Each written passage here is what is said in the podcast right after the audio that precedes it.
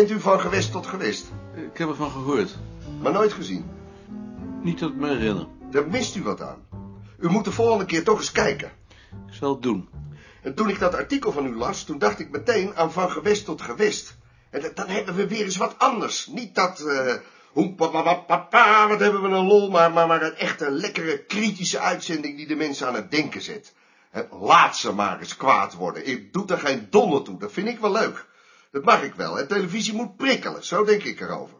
En dan bereik je ook meteen een ander publiek. Dat de mensen zoals u niet kijken, is alleen omdat het te gesapig is. Er wordt te veel meegepraat, er moet een knuppel in het hoenderok, daar bent u met me eens. Hoe wou je dat doen? Dat zal ik u vertellen. Toen ik dat artikel van u las, toen zag ik het voor me. We beginnen met een paar rustige shots. Eén of twee van die kerels bij een put, met boerenkielen aan, die staan op die dingen te blazen. De camera op 20, 30 meter afstand. Die kerels verborgen in de mist. En dan langzaam inzoomen, hebt u het? Er moet er wel mist zijn. Nou, anders maken we het. en terwijl we erop inzoomen, loop ik er naartoe. Een gesprekje. Vraag hoe oud het gebruik is, eeuwen oud, begrijpt u? En dan weer blazen en de camera draait weg. Naar zo'n oude Twentse boerderij. Ik ga naar binnen. Het geluid sterft weg. En dan zit u daar bij het haardvuur. Ook in een boerenkiel. Zie je, nou, nou, nou, nou, heb je nou zoiets, hè? Dat is precies uw vader. Die zou dat net zo gezegd kunnen hebben, hè? Zo langs zijn neus. Het is pure klasse. Ja. U zit daar gewoon als wetenschapper. U doet daar onderzoek naar het gebruik. En we praten daarover, begrijpt u? En dan, dan haakt dat gewoon weer in op wat die kerels buiten gezegd hebben, hè? En u ontmaskert dat. Gewoon, droogjes. Zoals u daar net met die boerenkiel... U droogt ze gewoon af, het is succes verzekerd. Ja. Wat vindt u ervan? Hoe, hoe bent u eigenlijk aan dat, aan dat artikel gekomen? Dat is een verhaal op zichzelf. Mijn broer, die werkt bij uw broer. En die komt zondag voor een week bij me met dat artikel en die zegt, Gijs, nou heb ik wat voor je. Daar moet jij een film van maken. Begrijpt u? Ja, ja, ja, ja. En, doet u het? Ik moet er even over denken. Ik wou volgende week al draaien. Ik bel u morgen op. Kan dat ook vanavond? Overdag ben ik op locatie. Eh, Dan morgenavond. Eh, Wat is uw telefoonnummer? Hier hebt u mijn kaartje. Ik hoop toch wel dat u het doet. Het is te mooi om te missen. U hoort het morgen. Eh, Dag meneer Veenboer. Dag meneer Koning. U vindt het verder wel? Ik vind het wel.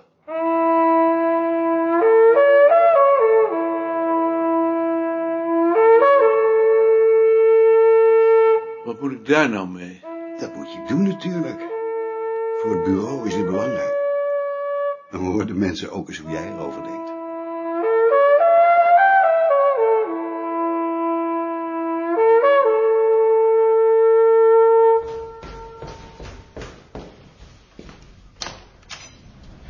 Wat heb jij in je been? Ben je van de trap gevallen? Nee, Ben je in elkaar geslagen? nee, veel erger. Wat is het dan? Oh, eh, het begin van het einde. Wat heb je dan? Een gezwel op mijn been met allemaal uitzaaiingen. Het zal wel kanker zijn. Kanker.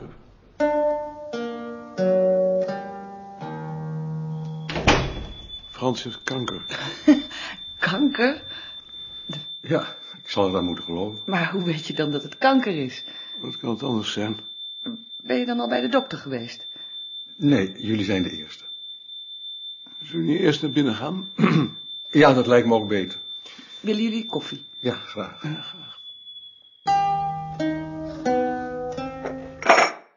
Ik had er eigenlijk niet over willen praten. Hoe lang heb je dat al?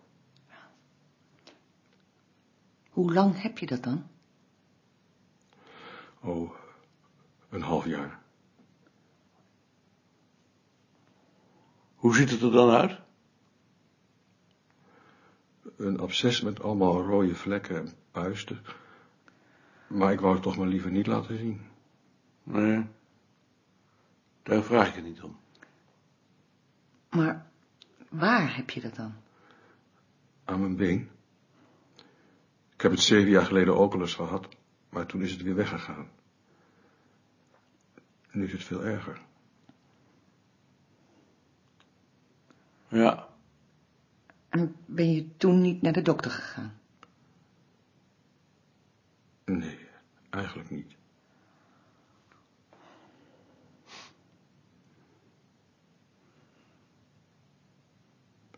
Maar daarom ben ik niet gekomen om daarover te praten. Dat begrijp ik wel, maar wij willen erover praten.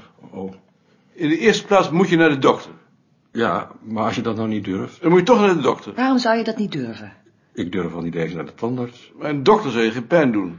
Nee, maar het is tenslotte een vreemde. Dat kan wel zijn, maar je moet toch naar de dokter. Als het kanker is, dan is het hartkanker. En als het hartkanker is, dan is het te genezen. Als je niet te lang wacht, tenminste. Nou, dat weet ik niet hoor. Tuurlijk is het dan te genezen. Hartkanker is de minst gevaarlijke kanker die er is. Dan zal ik toch eerst mijn testament moeten maken. Wat is dat nou voor onzin? Van die paar duizend gulden die jij hebt overgespreid, kunnen ze net je begrafenis betalen.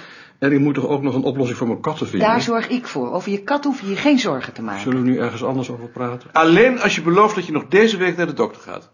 Daar zal ik dan toch eerst met mijn broer over moeten praten. Waarom moet je daar met je broer over praten? Zo is de verhouding nu eenmaal. Praat er morgen dan met je broer over en ga naar de dokter.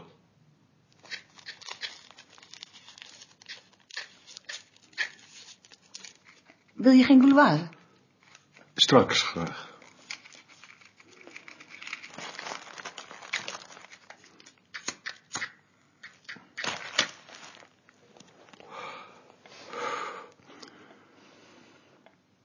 Nu dan maar waarvoor ik kom, als jullie het goed vinden.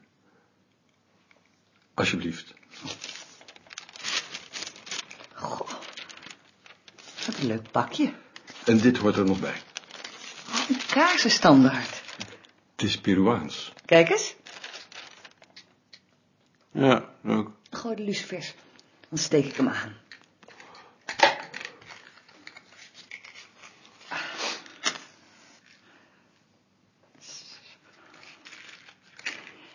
Willen jullie nog een kop koffie? Ja.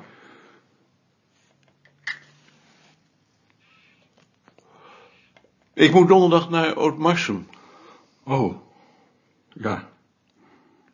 Televisieuitzending over het midwinterhoornblazen. Oh ja. Ik word daarin geïnterviewd. Oh. Het lijkt me eigenlijk wel vervelend. Heel vervelend.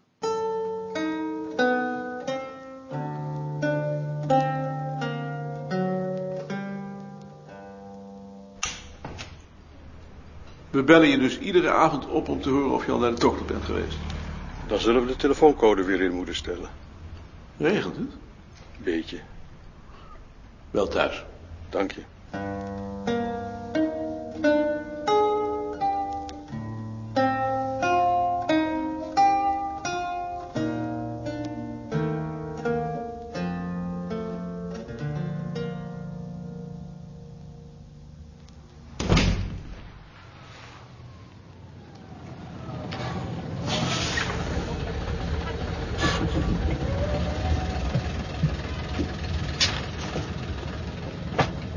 Oud-Marsum graag. Een eh, retour. Maar het is een, een retour. En hebt u ook een busboekje voor heel Nederland? Daar heb ik zelfs nog nooit van gehoord. Nou, omdat daar achter u op de ruit een sticker zit dat je een busboekje voor heel Nederland kunt. Ja, waarachtig. Dus eh, je zou zeggen dat... Maar ik heb ze niet. Ja, misschien dat ze ze op kantoor hebben. Ik zal er wel eens naar vragen.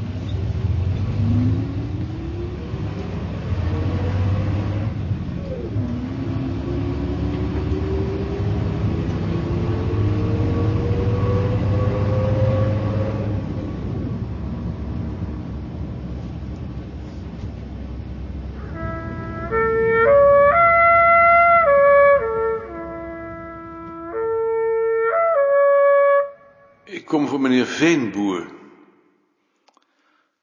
Die is boeten.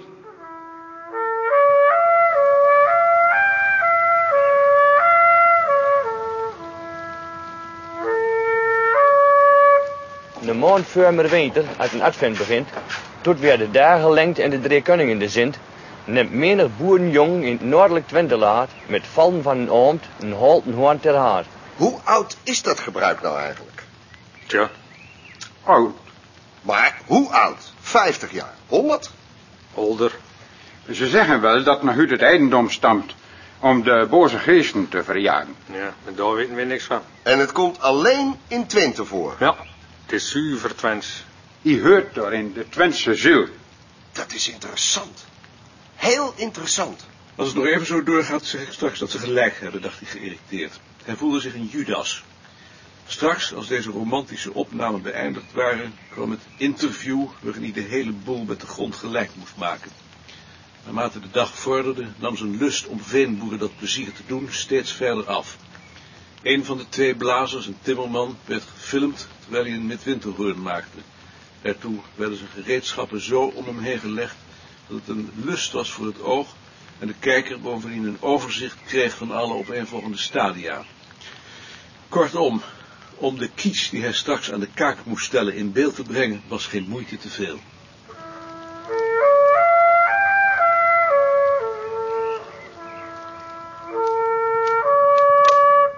Camera.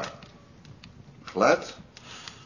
Meneer Koning, u heeft een studie van dit gebruik gemaakt. En we hoorden net dat het stamt uit de heidense tijd en dat het oorspronkelijk bedoeld was om de boze geesten te verjagen. Is dat zo? Dat is wel verondersteld. Eh, maar waarschijnlijk is dat niet. In ieder geval zijn de, eh, de, de oudste gegevens die we hebben uit de 17e en 18e eeuw. En die wijzen er eerder op dat het dan de resten zijn van een laat middeleeuws kerstspel. Waarin de herders uit het dorp een rol speelden door in de kerstnacht blazend op hun hoorns mis te komen. Stop. Stop. Eh, u praat te zacht. Eh, kunt u niet wat harder praten? Ehm, ik kan dat proberen, maar dan zeg ik eh, onvermijdelijk andere dingen. Dat geeft niet. Ik vraag aan de geluidsman, kan jij met de microfoon even dichterbij kruipen? Ja. En u, meneer Koning, u moet vooral niet relativeren, hè? Vooral duidelijk en kort. Het moet discussie losmaken. Ja, Ja, goed, daar gaan we weer. Ja. Camera. Geluid. Meneer Koning, u hebt een studie van dit gebruik gemaakt. Hè? We hoorden net dat het stamt uit de heidense tijd en dat het bedoeld was om de boze geesten te verjagen. Is dat zo? Eh, nee. Eh, het vindt zijn oorsprong in een ehm, middeleeuws kerstspel dat in de 18e eeuw in het bisdom Münster door de geestelijkheid is verboden omdat het een bende werd. Maar dat blazen boven de put dan? Wa- Was dat niet om boze geesten te verdrijven? Eh, dat gebeurt alleen in Twente. Eh, de verklaring is dat Twente tot de republiek behoorde onder een protestantse drost. Wat in Münsterland verboden werd door de geestelijkheid, werd hier verboden door de drost. Dat wekte verzet. Om de drost te tarten, bliezen de katholieke jongens in de kersttijd in het donker boven de put op het erf. Dat droeg ver en het was moeilijk te bepalen waar het vandaan kwam. Even, even stoppen jongens.